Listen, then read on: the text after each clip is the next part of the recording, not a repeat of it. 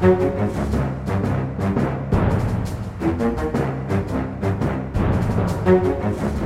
Velkommen til en ny uke med Aftenpodden. Det er torsdag, vi er på plass i studio. Eh, Er det kanskje for eh, siste gang på en stund? Får se hva reglene sier. Det strammes stadig inn. Dette varsles å være den nye 12. mars. Er det ikke så? Men vi holder ut en eh, stund til i hvert fall. Eh, God dag, god dag, Sara Sørheim. Hallo, hallo. Deilig å få av seg munnbindet. Puste fritt igjen her inne i dette lukkede rom. Trygt og godt. God dag, god dag, Trine Eilertsen. God dag, god dag. Er det ikke fint å, å se noen andre enn en, nå, nå ble det kanskje litt sånn vel personlig. Se noen andre enn familien din. Det skulle, eh, fordi eh, Det er vel mulighet til at vi fortsatt får lov til å gå litt på jobb, men, men ja. det begrenses vel antageligvis eh, kraftig framover. Så det er jo det vi skal gå inn i. Men jeg ønsker velkommen til deg også, Kjetil Alstheim. God morgen. Tusen takk. Eh, For det er altså sånn at eh, Erna Solberg kommer med de nye reglene og retningslinjene eh, siden koronapandemien nå treffer Norge i enda større grad enn det det har gjort før. Eh, Hvorvidt det er en bølge nummer to eller bølge nummer tre eller en topp eller en uh, spike Nei, eller en Dette hva kan det jeg for noe. klargjøre akkurat det her, faktisk. Vi har akkurat hørt et intervju med Espen Nakstad. Eh, Ja. Og det er jo nok en gang, det er faktisk, det er reelt oppklarende. Han sier vi er ikke i andre bølge, men i dag og denne uken er siste sjanse til å hindre det. Nå er siste mulighet, og hvis ikke dette funker, så er vi i andre bølge. Men det er fortsatt et sånt håp. I hvert fall så er det det de kommuniserer, da. Det er fortsatt mulig å snu dette. Men eh, det er litt sånn på tampen. Nå er det så alvorlig at i de områdene med, med mye smitte, så kan man komme til å stenge også bingohallene. Å nei. Oi, oi, oi. Nei, nei, nei. Siste skanse. Altså, jeg lengter tilbake til juni. Jeg hadde visst nå hvor fin juni var, så skulle jeg gledet meg enda mer over juni. Juni var topp, da var vi liksom over der. Alle følte at vi klarte det. På vei inn i en ferie der folk bare levde, levde utagerende. Det straffes vi jo for nå, blant annet. Og ble, tok veldig lett på det. Men juni var fint. Vi må komme tilbake til juni. Ja, fordi Hvis vi først skal eh, raskt gå gjennom det som, eh, og viktigste som foreslås nå, så kan vi kanskje kalle det en sosial lockdown. Ja, vi er ikke helt på lockdown heller, da. Det er nyanser her, men det kommer til å føles som det. Altså, det er jo uansett helt, Livet er jo over eh, as we know it. Det er bare å innse det. Jeg skal bare inn og se på TV og prøve å trene litt. Men, men ifølge Nakstad, da nok en gang, eh, kilden til alt her i dette landet for tiden, så er vi ikke liksom helt på lockdown. Det er fortsatt mulig å treffe noen mennesker, eh, men veldig, veldig få. Så det er liksom kneppet før, da. Men eh, portforbud og lockdown, sånn helt er vi jo ikke, der er vi jo ikke ennå. Og så er det, det forskjell på, ja. på barn og voksne. Ja. Jeg har en uh, barnebursdag coming up med alle guttene i klassen. Fire gutter som skal feire sammen ute i en park. Det er bare så mørkt på en måte si til de fire syvåringene at det ikke blir. Men det blir. Ja, utendørstreff er uansett også greit for voksne. Men det som er hovedbeskjeden, er også at det unngår unødvendig sosial kontakt med noen utenfor husstanden, er det ikke det? Jo. Jo. Så da er det jo i praksis veldig, eh, veldig mye strengere. Altså det Erna Solberg sier i dag, er hold dere hjemme med familiene deres, hvis dere er så heldige å ha noe. Og ha minst mulig sosial kontakt. Ja, Rett og slett. Altså, det er, i, altså, sosiale medier telles ikke der, da. Det er, det er, dessverre. det er der man kan puste samme luft. Men, men da blir det, og da skal jo gevinsten være at vi kan ha tilsvarende mer sosial kontakt i julen. Det skal da være gevinsten hvis vi klarer dette. Men store deler av julen er jo i ferd med å bli avlyst, eller er jo avlyst allerede. Altså Sånn som julebord og sånn. Det ryker jo ingen sånne hyggelige førjulsgløgger eller sånt noe. Og selv nå dette julemarkedet nede, nede i Spikersuppa er jo nedskalert kraftig. Så salg av spekepølser og, og sånne epler med sukker Ja, men Det er min eneste på. trøst nesten nå, det er at jeg kanskje slipper eh, å, å kjøpe et sånt sukkereple til sjuåringen. Som jeg, jeg bruker et år på å vaske det sukkeret ut av hennes hår. Jeg har akkurat fått det sånn noenlunde reint. Eh, Jeg tror småbarnsmødre vet hva jeg snakker om. Altså, det er helt vanvittig hvor mye et sånt sukkereple kan klistre seg fast. Så det er sånne små gleder da, man må ta med seg nå. Det slipper jeg i hvert fall. Men så er det også litt sånn Ja, det som ryker med jula, hvis vi kan være så ærlige å si, det er jo alt det gøye som ikke innebærer liksom, familiesamvær. Ja, alt før jul, egentlig. Ja, og så er det jo, Man kan ha forskjellige typer familiesamvær, men det er vel kanskje ikke en overdrivelse å si at det sånn utpå sånn andre juledag så pleier det å være sånn deilig å ta seg en joggetur eller en øl med noen venner. Så du kan Eh. tenke deg at man løsner opp litt på reglene rett før jul, og så strammer inn igjen andre juledag. juledag, Jeg bare første tenker- juledag om kvelden. Jeg bare tenker med gru på den såkalte sånn nå skal, vi ikke gjøre, nå skal vi ikke treffe noen venner i mange uker, sånn at, vi heller, sånn at vi kan være sammen med familien vår i jula. Og heller ikke treffe noen venner som er sånn Ja! Det skal bli en fin sånn trykkokersetting for hele det norske samfunnet. Jeg sier bare maidagene 2021. Det, da, det er det jeg venter på. Det blir den nye Det er 1945. drømmen vi ber på. Da skal vi springe ut av leilighetene våre. Men så må jeg også bare si, da, Nakstad, siste ting med han, som jo er helt genialt i måten han kommuniserer dette på, det er at nå, Det er jo egentlig helt forferdelig kjedelig, det som skjer. Og jeg sliter med å motivere meg, selv om jeg kommer til å gjøre det jeg skal. Men den indre motivasjonen er ikke sånn super på topp. Men det som funker, det er det han sa i dag til VG, som var Nå må vi bare passe på at vi blir bedre enn svenskene. Så nå, nå, har vi, nå, kan vi nok en gang vise Vi i Norge, vi fikser det her. Så sa han sånn I Sverige, vet du, det dør jo 30 stykker om dagen der nå. Mm, det kan vi Vi unngå. må ta frem vår indre Petter Northug. Nettopp. Den beste delen av Petter Northug. Altså det, som, det som står på spill, er jo at, at, eh, at ting eh, virkelig bryter sammen. og At helsevesenet ikke klarer å takle dette her, og at vi går inn i en, en periode med altså, eh, økte sykehusinnleggelser, eh, alvorlig sykdom, dødsfall. At dette blir ordentlig, ordentlig mørkt. Men så er jo spørsmålet om vi klarer å ta det inn over oss som nordmenn fordi vi har vært ramma såpass lite. At det, vi ser ute i Europa er så fjernt. Og at det, det at eh, nettopp dør eh, flere titalls hver dag, og at eh, helsevesenet er fullstendig overbelasta Om vi, at vi på en måte ser at det er en mulighet også i Norge. Sant? Eller, om, eller om vi faktisk er si, flinkest i klassen og, og tar det inn over oss. Jeg, jeg klarer ikke helt å bestemme hva jeg tror den norske liksom, psyken er. Om vi tar lett på det, eller om vi bare er grunnleggende flinke. Ja, altså, jeg, jeg begynner jo mer og mer å tenke at vi kan, altså, vi kan klare å være flinke fordi at det ikke koster oss så mye som det koster en del andre å stenge ned. Og jeg synes jo, altså, Vi skal sikkert snakke litt om det, med valget i USA eh, Når du ser eh, at det er kun to av ti som har korona som den viktigste saken, pandemihåndtering som den viktigste saken når de går og stemmer. Eh, og veldig mange er opptatt av at du skal åpne økonomien. Sånn at denne spenningen mellom hva må du ofre for å unngå de dødsfallene og de sykdomstilfellene, den er veldig mye tydeligere i land der det koster folk veldig mye å stenge ned. Mye mer enn det koster oss. Eh, men vi kan jo også se her også at vi begynner å få eh, reaksjoner og tilbakeslag som handler om at det, sprekker litt i dette her samholdet om at nå skal vi alle ofre for å spare de eh, svakeste. da. Men det viste jo også hvor viktig det har vært å ikke slå på stortromma før man må. Det kommer helt sikkert en diskusjon i ettertid nå. Skulle disse innstrammingene som kommer nå, kommet før? Skulle det kommet etter? Altså, disse småjusteringene. Det er bra med en, en ordentlig diskusjon om det. Men, men uansett, da, så tror jeg vi skal, Nå, altså hvis vi hadde kjørt sånn superstramt gjennom hele sommeren, så hadde det vært mye vanskeligere å få folk til å liksom, ta seg sammen nå. sant? Det er noe med å ikke bruke opp virkemidlene. Vi trengte å ha en liten ferie. Ja, vi gjorde det. Akkurat den diskusjonen har de i Storbritannia nå, eller England. For da fikk jo regjeringen da vitenskapelig råd i slutten av september om nå bør dere ha en, eh, en liten lockdown for å liksom, kortslutte smittespredningen. Og en lockdown på et par-tre uker. Og så Boris Johnson da vaser rundt videre, og så kommer han seks uker etter og sier ja, nå må vi ha lockdown i kanskje fire, fem, seks uker. Mm. Ja, nettopp. Det er jo det som er problemet, altså. Og der har vel egentlig regjeringen, om ikke de har sagt det sånn eh, direkte, så, så erkjenner du at det vi snakka om i forrige uke, ikke var nok.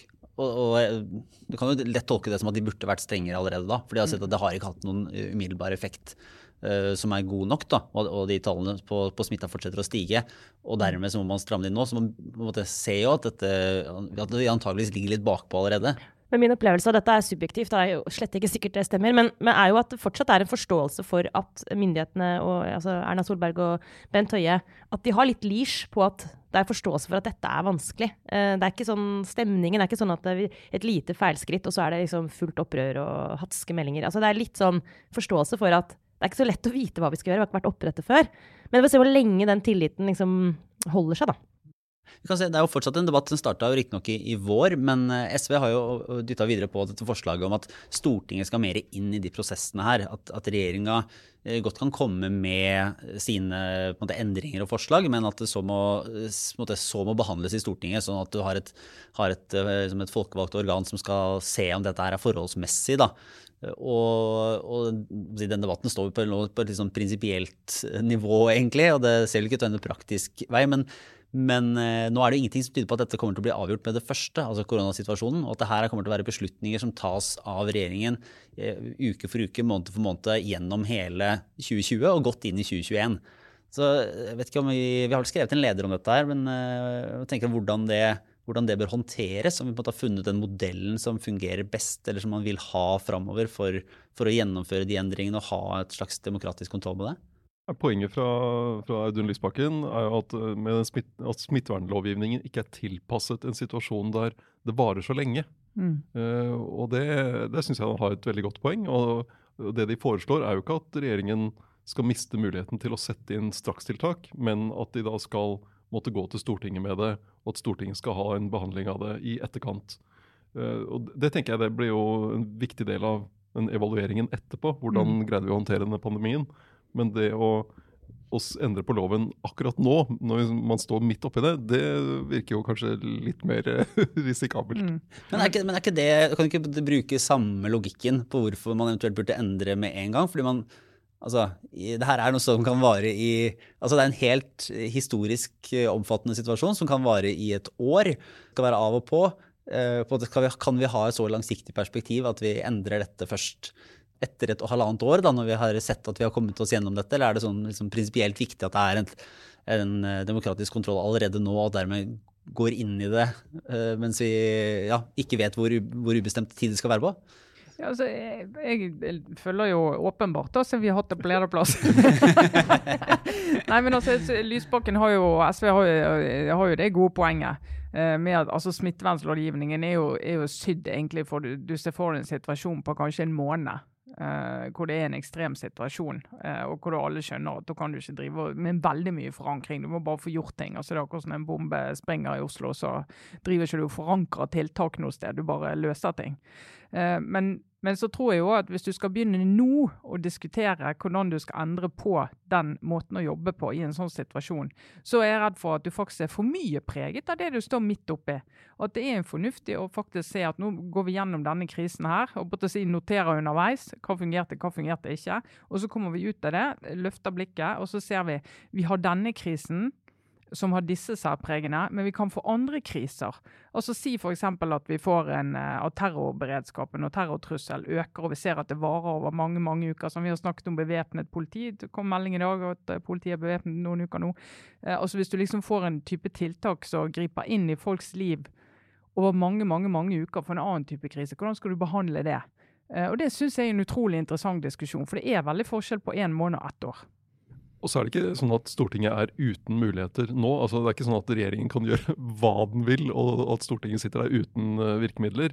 Eh, hvis det fremmes et mistillitsforslag mot eh, regjeringen, så kan jo, kan jo et flertall på Stortinget kaste regjeringen hvis de mener det er, dette går over stokk og stein. Men det er jo veldig dramatisk, da. Det er veldig dramatisk, men eh, det er ikke sånn at, de er, eh, at all makt nå er eh, forsvunnet ut av stortingssalen. Men så er det jo, mener jo jeg at det er veldig veldig lurt at en regjering, og særlig mindretallsregjering, så langt som råd eh, konsulterer Stortinget på en del av tiltakene. Og bare forteller dette tenker vi jo faktisk også tar imot uh, innspill når det, når det passer seg sånn. Det er jo god politisk uh, kultur og tradisjon. Ja, eh, som det som vel må sies å være den store saken i denne uka, da, hvis man tar et Ja, apropos, mer globalt perspektiv. Og- god, god ja, politisk kultur. det var en fin overgang. ja. Eh, Så altså, Jeg vet ikke om noen har fått med seg, men det har vært et valg i, i USA. Og Det er foregår det, akkurat det nå. foregår akkurat nå. Eh, Som advart så er det ikke avklart helt på, på valgkvelden. Og jeg kan bare si at eh, i, i Aftenpodden USA, som, eh, der Kristina Pletten, kommentator, og Øystein Langberg, korrespondent i USA, som begge er på plass der borte, eh, vi kommer til å lage en utgave som kommer ut eh, antageligvis nå torsdag ettermiddag, hvis de kommer seg til en, et innspillingssted som, som ser litt mer på detaljene i prosessen videre der, og hva som har, har foregått i valget. Så det er tilgjengelig for Aftenposten-abonnenter på aftenpodden.no og på, på nettsidene våre, åpenbart. Men det var jo såpass eh, historisk eh, potensielt eh, skremmende noe av det som eh, skjedde i går likevel, at det, at det er interessant å ta med her. For eh, Donald Trump, som advart mot, gikk ut, sa at dette valget var vunnet. Ennå alle kunne se at det var langt fra sant. Det var en haug med stemmer igjen å telle, og tellingen har jo også vist at det ser ikke ut som at Trump vinner i det hele tatt. Det ser ut som Joe Biden henter inn dette og potensielt med grei margin, så skal man jo ha Det, det kan Ja, jeg bare. Æ, ikke si det! Vi calla jo dette for Biden i forrige uke. Jeg bare minner om det. Altså det, det som er he ja, nei, det, Han driver og drar innpå i Arizona akkurat nå, skjønner du. Så det er, det er reelt åpent. Ja. Men der, men der eh, Det syns jeg jo er interessant at eh, statskanalen NRK har eh, kålet Arizona for Biden allerede. Mm. Og gjorde det tidlig. Og det syns jeg NRK og Fox, forresten. Og AP.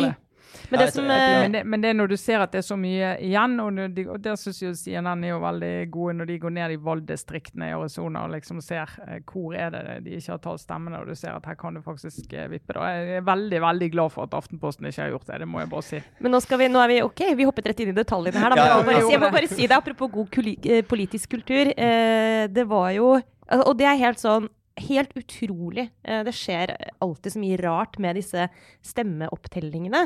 Det er sånn der, hva er det for noe sånne amatørenes inntogsmarsj som bare surrer rundt med sånne ball-outs? og bare, Oi! For det som skjedde i Arizona, det var jo at de da AP calla, på godt norsk, Arizona, så var jo de offisielle stemmetallene, altså opptellingstallene, var 96% så på det grunnlaget så var det jo eh, flere som da sa at ja, men Biden tar dette. Men så var plutselig så kom det sånn Å, vi fant mange flere stemmer. Så, så det var helt sånn freak accident. Og så gikk det tilbake til at nå er det bare 86 Mm. and counting, da. Så bare, bare for å ta akkurat komme de store mediene i forsvar der, det var en helt sånn eh, altså Det skal jo bare ikke skje. Eh, så, men så har de jo holdt på det da etterpå, de har ikke korrigert. Så det er jo helt, helt reelt at det er litt spesielt. Altså, ja, det blir en oppvask i ettertid i diverse newsroom. Men det her, er- men det her er for Anyways. teknisk. Eh, vi, det, det kommer vi tilbake til. Men det er mer Det interessant å, å, å se på hvordan eh, verdens mektigste politiker, Donald Trump, går ut og benytter seg av den plattformen sin til å undergrave det valget han er satt til å eh, på en måte presidere og, og styre over. da. Men det er jo det som er katastrofen her. For det er jo uansett hvordan dette valget går, så, og det, det, det vi kan konkludere allerede, er jo at USA er enda mer splittet enn vi trodde. Og så virkelig sånn på midten. Og det er helt helt uforsonlig mellom de eh, to eh, fløyene. Og så har du en president som altså går ut og starter sin oppsummering av valget med å si at det sannsynligvis foregår valgfusk, og at du bør slutte å telle. Nå bør de vel ikke slutte å telle i Arizona, da, eh, for der kan de jo vinne.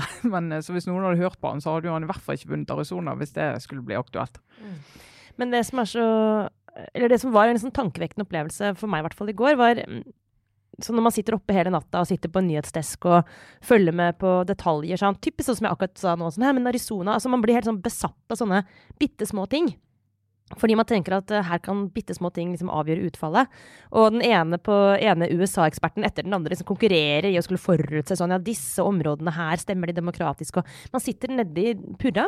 Kan jeg bare så, ja, ja, Nei, for jeg, jeg, jeg, egentlig bare sånn, Det er norske twitrere som ikke har noe bedre innsikt enn alle andre, ser på CNN, og så kommer med sånne små Ja. factoids Ja. om eh, hvordan det ligger an i et eller annet lite county i Arizona. der har du fin. Eh, ro ned. Du trenger ikke bråket der i Twitter-feeden min. Men vet Jeg orker ikke følge norsk Twitter under er amerikansk valg. Herregud, det må jo Og så er det, unnskyld at jeg sier det, men det er bare nesten menn som holder på sånn. Altså Det er en helt sånn egen sånn hvit mann-øvelse. Å være sånn skråsikker om et eller annet county eh, litt utenfor Pittsburgh. Men uansett, da sitter man der da i den der eh, greia her. Og så, og så var det Å, nå skal Trump snakke. På med øretelefonen og høre på. Og så da, plutselig, så var det akkurat som det bare bare, det bare sånn falt ned en pollett oppi hodet mitt. Det var sånn snap ut av de detaljene, og så bare Å, herregud. Så hørte på den talen til Donald Trump, og da, for en gangs skyld faktisk, i dette liksom, harde journalisthjertet, så kjente jeg på en sånn Jeg nesten beskriver det som på grensen til frykt. Eller i hvert fall en følelse som Altså helt sånn reelt. Jeg ble skremt av å høre den talen. Det er helt eh, det, er, det er jo vanvittig skummelt hvis han i det splittede landet, som Trine var inne på, vinner gjennom med de, de påstandene og, og klarer å overbevise store deler av befolkningen om at eh, valget har blitt stjålet. Mm. Og at han skulle ha vunnet, men at they uh, stole it from us. Hvordan skal det gå da? Altså, Hva skjer da med det allerede porøse demokratiet? Ja, det var faktisk, Jeg tror det helt reelt er et sånt omdreiningspunkt, eller kanskje et bunnpunkt, uh, som det skal bli vanskelig å komme seg videre fra. Jeg, jeg skjønner ikke. Kanskje Kjetil, du ser altså, hvordan, hvordan skal de gå videre fra det? Altså, føler, nå er det på en måte bare kjørt.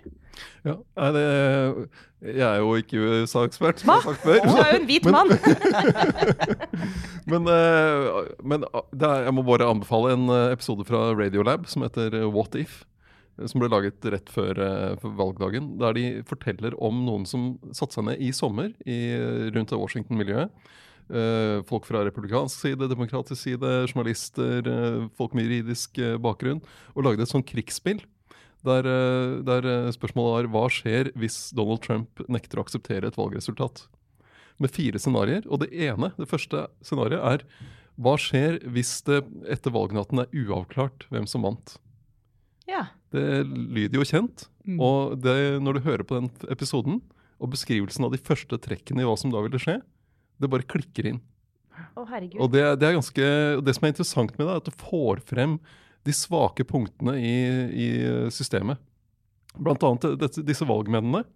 De eh, velges jo i delstatene. Men hvis man kan trekke hvis du, altså Se for deg at man, noen setter fyr på et eller annet valglokale, masse, masse stemmer forsvinner. Så kan uh, myndigheter i den delstaten komme og si ja, nei, kom, nå kan vi ikke stole på valgresultatet. Vi utnevner valgmennene. Mm. Så det er, altså den episoden da bare fikk helt sånn angst av å høre på den. Ja, ja, du valgte å høre på den nå. Jeg hørte på den i går, Nettopp, nettopp Kjetil. Så den anbefaler jeg alle å høre på. Ja. Men det sier litt om eh, Det som er interessant med det, er hvor mye i demokratier som ikke nødvendigvis er sikret, mm. men som er bygger på tradisjon, og det er slik vi har gjort det. Ja, og bygger på at folk har gode intensjoner. Ja, og f.eks. det med å godta et valgresultat i et system. så da, Det er jo ikke annerledes nå enn det var forrige gang det var valg, eller gangen før der. Mm. Og at hvis du da, i hvert fall Nå er det Donald Trump som eh, ikke eh, liksom tror på det systemet. Men hvis hele det republikanske partiet liksom følger han i det Nå er det jo heldigvis tegn til at de ikke vil gjøre det. eh, da, da har du et eh, Ja, det er, det er katastrofe for et demokrati å havne der. Så tror jeg det er jo, noe, det er jo et eller annet som, eh, som, merker som vi, og jeg tror veldig mange fortsatt ikke helt forstår med trumpismen. Da, for at det, det kan jo nesten bare sånn logisk sett ikke være sånn at, at eh, en så tydelig halvpart, selv om det jo er noen millioner færre som stemmer på Trump enn som stemmer på Biden, sånn totalt sett, er Trumps verste side. Altså, det er jo mekanismer her som gjør at, at det faktisk er flere som stemmer på Trump nå enn i 2016, som vi ikke har klart å fange opp. Selv om vi skal, det er utrolig trøttende å ha den der evige jakten på de misforståtte, stakkars, eh, stort sett da hvite, underutdanna mennene som, altså, da er litt som skal- ja, altså, ja, som skal forstås i hjel, caps. Ja, ja men, men, eh, men det er jo likevel et eller annet som eh, det- En kan jo ikke anta at at det tolkes på samme måte, eller at de er eh, så eh, gærne eller antidemokratiske, alle de folka. Nei, Nei, nei og det, jeg tror heller ikke det. Og det jeg tenker, hvis, hvis du skal se lys på det, da, at hvis det nå blir et skifte og du skal gå i gang igjen, så er det jo noe med at da går det an å se på Trumps presidentperiode som en revolusjon. Altså vond revolusjon, der du virkelig røsker opp i ting. Og du har jo fått mobilisert rundt en del bevegelser og problemstillinger som du ikke klarte å mobilisere like sterkt rundt før. Vi har snakket om både metoo og rasisme. Eh, og at du da kanskje, hvis du virkelig skal være optimist, kan si at du kan få en ny politisk diskusjon om en stund, når sårene er leget, hvor du kan gå inn i et samfunn og si hva var det som brakte oss til altså Selv om du nå har et land som er delt og er uenige om løsninger og hvor de skal, så kan du i hvert fall få en diskusjon om hvorfor er vi så uenige? Hvorfor ser vi så ulikt på det? Og, og at det kan føre til noe godt på et eller annet tidspunkt, kanskje når jeg er 58 år. Er det, det er ikke så veldig lenge til, er det det? Veldig lenge til, Sara. Veldig lenge. Vi veldig snakker generasjon. Men det er jo også da i så fall en erkjennelse som uh, bare er å ta inn over seg. At det er jo på godt og vondt, da. Det er litt trøst i det også, men det er jo ikke Trump som har funnet opp dette her. Det er ikke han som har splittet nasjonen. Uh, det, trøsten er at det betyr at uh, han har ikke så mye makt kanskje som man skulle tro. At nettopp som du var inne på, Lars, at han kanskje ikke heller har så mange som følger han slavisk. Problemet med det er jo også at da er det ikke nok å bare bytte han ut. Du fikser ikke det problemet gjennom å bytte president. Så det, det ja. Men, eh, men første skritt på veien er i hvert fall åpenbart å få noen andre inn eh, i eh, Det hvite huset. Så får man starte der.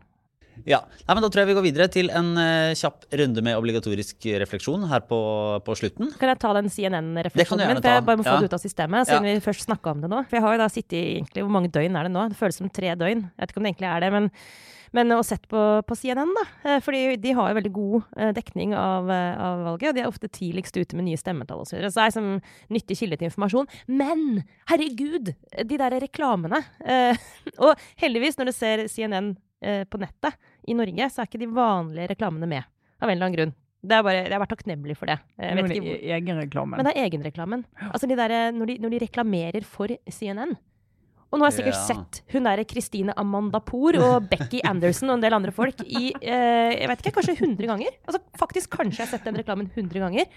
Og hver gang så får jeg litt større forståelse for eh, den enorme mistilliten til amerikanske medier. Det er sånn, Snart hadde jeg gått og stemt Trump selv, i ren desperasjon. For det er noe med den pompøse, selvhøytidelige måten å presentere seg og sitt journalistiske prosjekt på. Som om du ikke skjønner noe som helst av verden hvis ikke Kristine Amandapour forteller det til deg med en sånn eh, luftig stemme, men som går rundt i Midtøsten. Ja, liksom, strekker ut armen og Veiver armene rundt og peker på en eller annen ruin og sier sånn Civilization started here.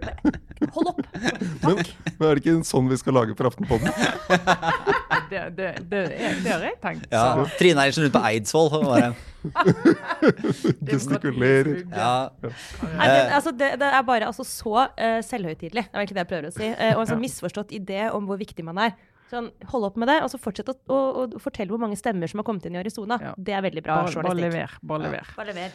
Ja, min lille obligatoriske refleksjon er jo eh, Jeg tenner kanskje et lys da for eh, de som eh, hadde, eh, hadde publiseringen og PR-arbeidet for eh, den nye politiske selvbiografien til Trine Skei Grande. Eh, For det fins jo ikke spesielt mye dårligere timing enn å havne i skyggen av eh, koronanedstengning av Norge og Donald denne uken skjer det ikke noe. Nei. Uavklart amerikansk presidentvalg.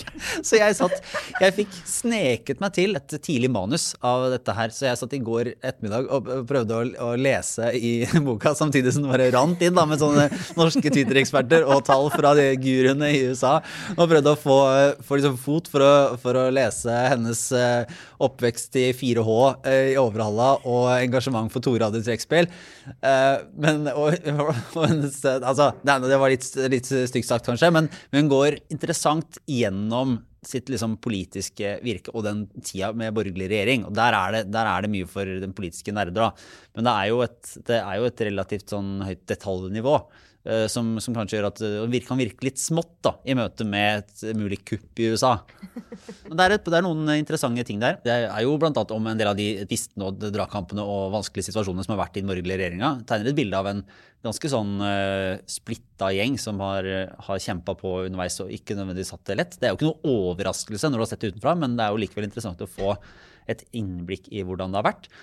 Og så får man jo et bilde av partiet Venstre, som, eh, der jeg vil si at hun er, hun er eh, ganske sånn rett fram i en del av beskrivelser av, av Venstre. Eller i hvert fall, hun er ikke sånn eh, utrolig, hun pynter ikke så veldig på det. Hun sier jo liksom fra start, da hun tok over som leder etter Lars Bonheim, så var det sånn at hun hadde ikke egentlig hatt lyst til å være leder, og det var på en måte ikke noe hun så, var så innstilt på, men det var litt sånn som Jan Petersen sa da han ble leder i sin tid, at det var det.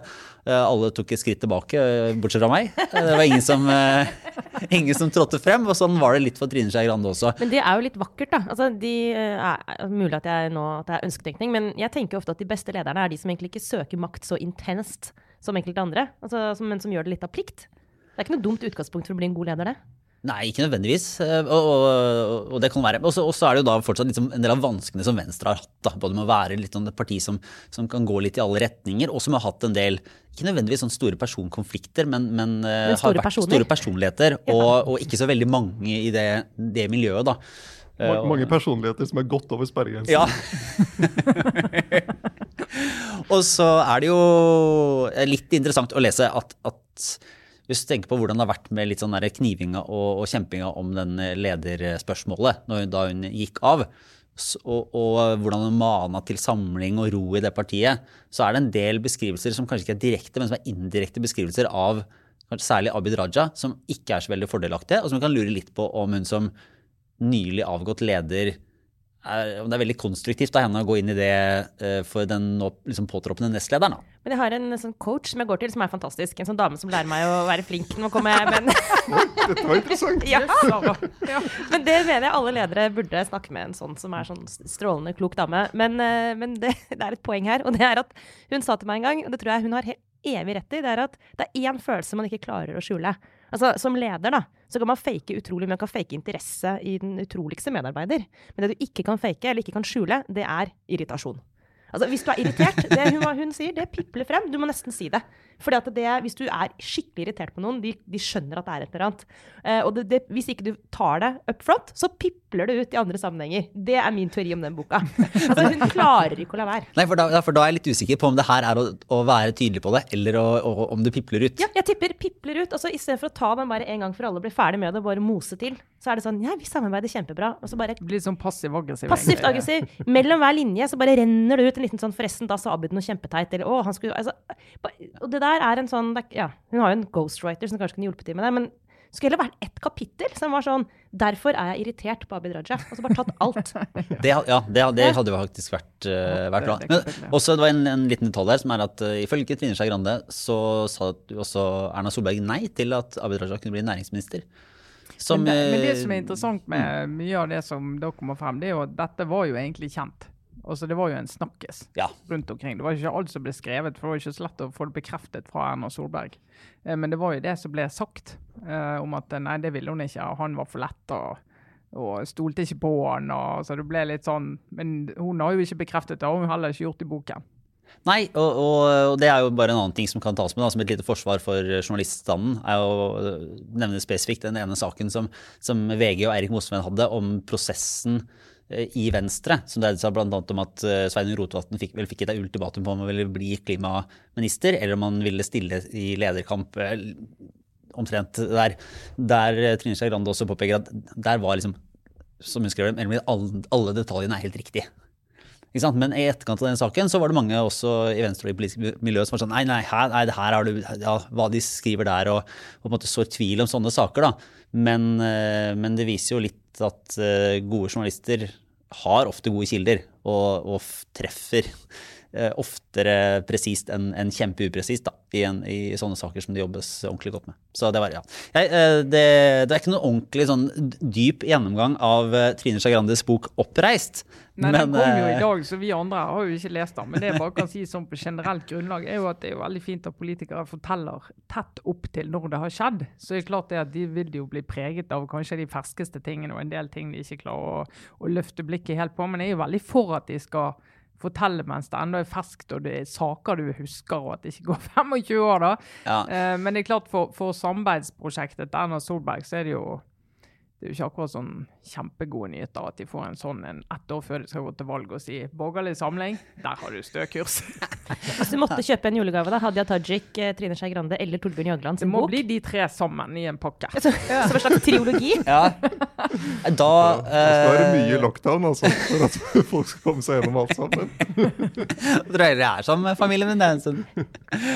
Ja, Åssen er det med deg, Kjetil? Har du noen ytterligere anbefalinger? enn, Ja, jeg har sett en uh, agentserie. eh, eh, Teheran ligger på Apple TV, eh, som fikk meg til å tenke på en tidligere norsk fiskeriminister. What? Du, den har jeg meninger om, det kan jeg bare si. Fortell. Ja, for der, eh, der har du da en, eh, en Mossad-agent som eh, strander på oppdrag i Teheran. eh, og israelsk serie. Eh, men det som det, det jeg da ikke greide å la være å, å, å legge merke til hver gang, er at hun ringer hjem til, på, fra mobilen rett til Mossad-hovedkvarteret et eller annet sted i Israel. Og ingen, altså Dette har jo til og med nå Per Sandberg lært, at, du tar ikke med mobilen til Teheran. Så det, jeg tenker at Le Byrå ville jo løst dette på en annen måte. De ville forklart et eller annet, vist frem hvor komplisert det var, eller hva de måtte ja. gjøre for at det skulle være trygt. Men her bare kjører de rett på, bare tar opp telefonen og ringer sånn rett fra sånn high security facilities i Teheran og rett hjem til Mossad. Ja, og det, det, det kan jeg bare si. Den agenten der, hun er så teit. At du tenker Vet du hva, jeg heier på iransk etterretning. Bare ta henne. Bare ta henne. Hun gjør så mye sløkken. At du bare tenker Å, jeg savner Carrie og Le Byrå og Molotru og hele Det er bra, det er bra hvis, det er det hvis, du, hvis du begynner å tenke sånn, er mere, eh, har flere dumme beslutninger enn Homeland. eh, Ja, det er verre. Altså, Ja. det, det er Ok, hvis det liksom fins en verre agent enn Carrie, så ja, ja, det gjør det. Og Carrie har i hvert fall Det er for i perioder så tenker du nei, men nå må du klare det, nå må du komme gjennom dette. Men hun her som bare tenker du Gud hjelpe meg for et nek. ja, men, men, men, og, du vil ikke anbefale serien heller, eller?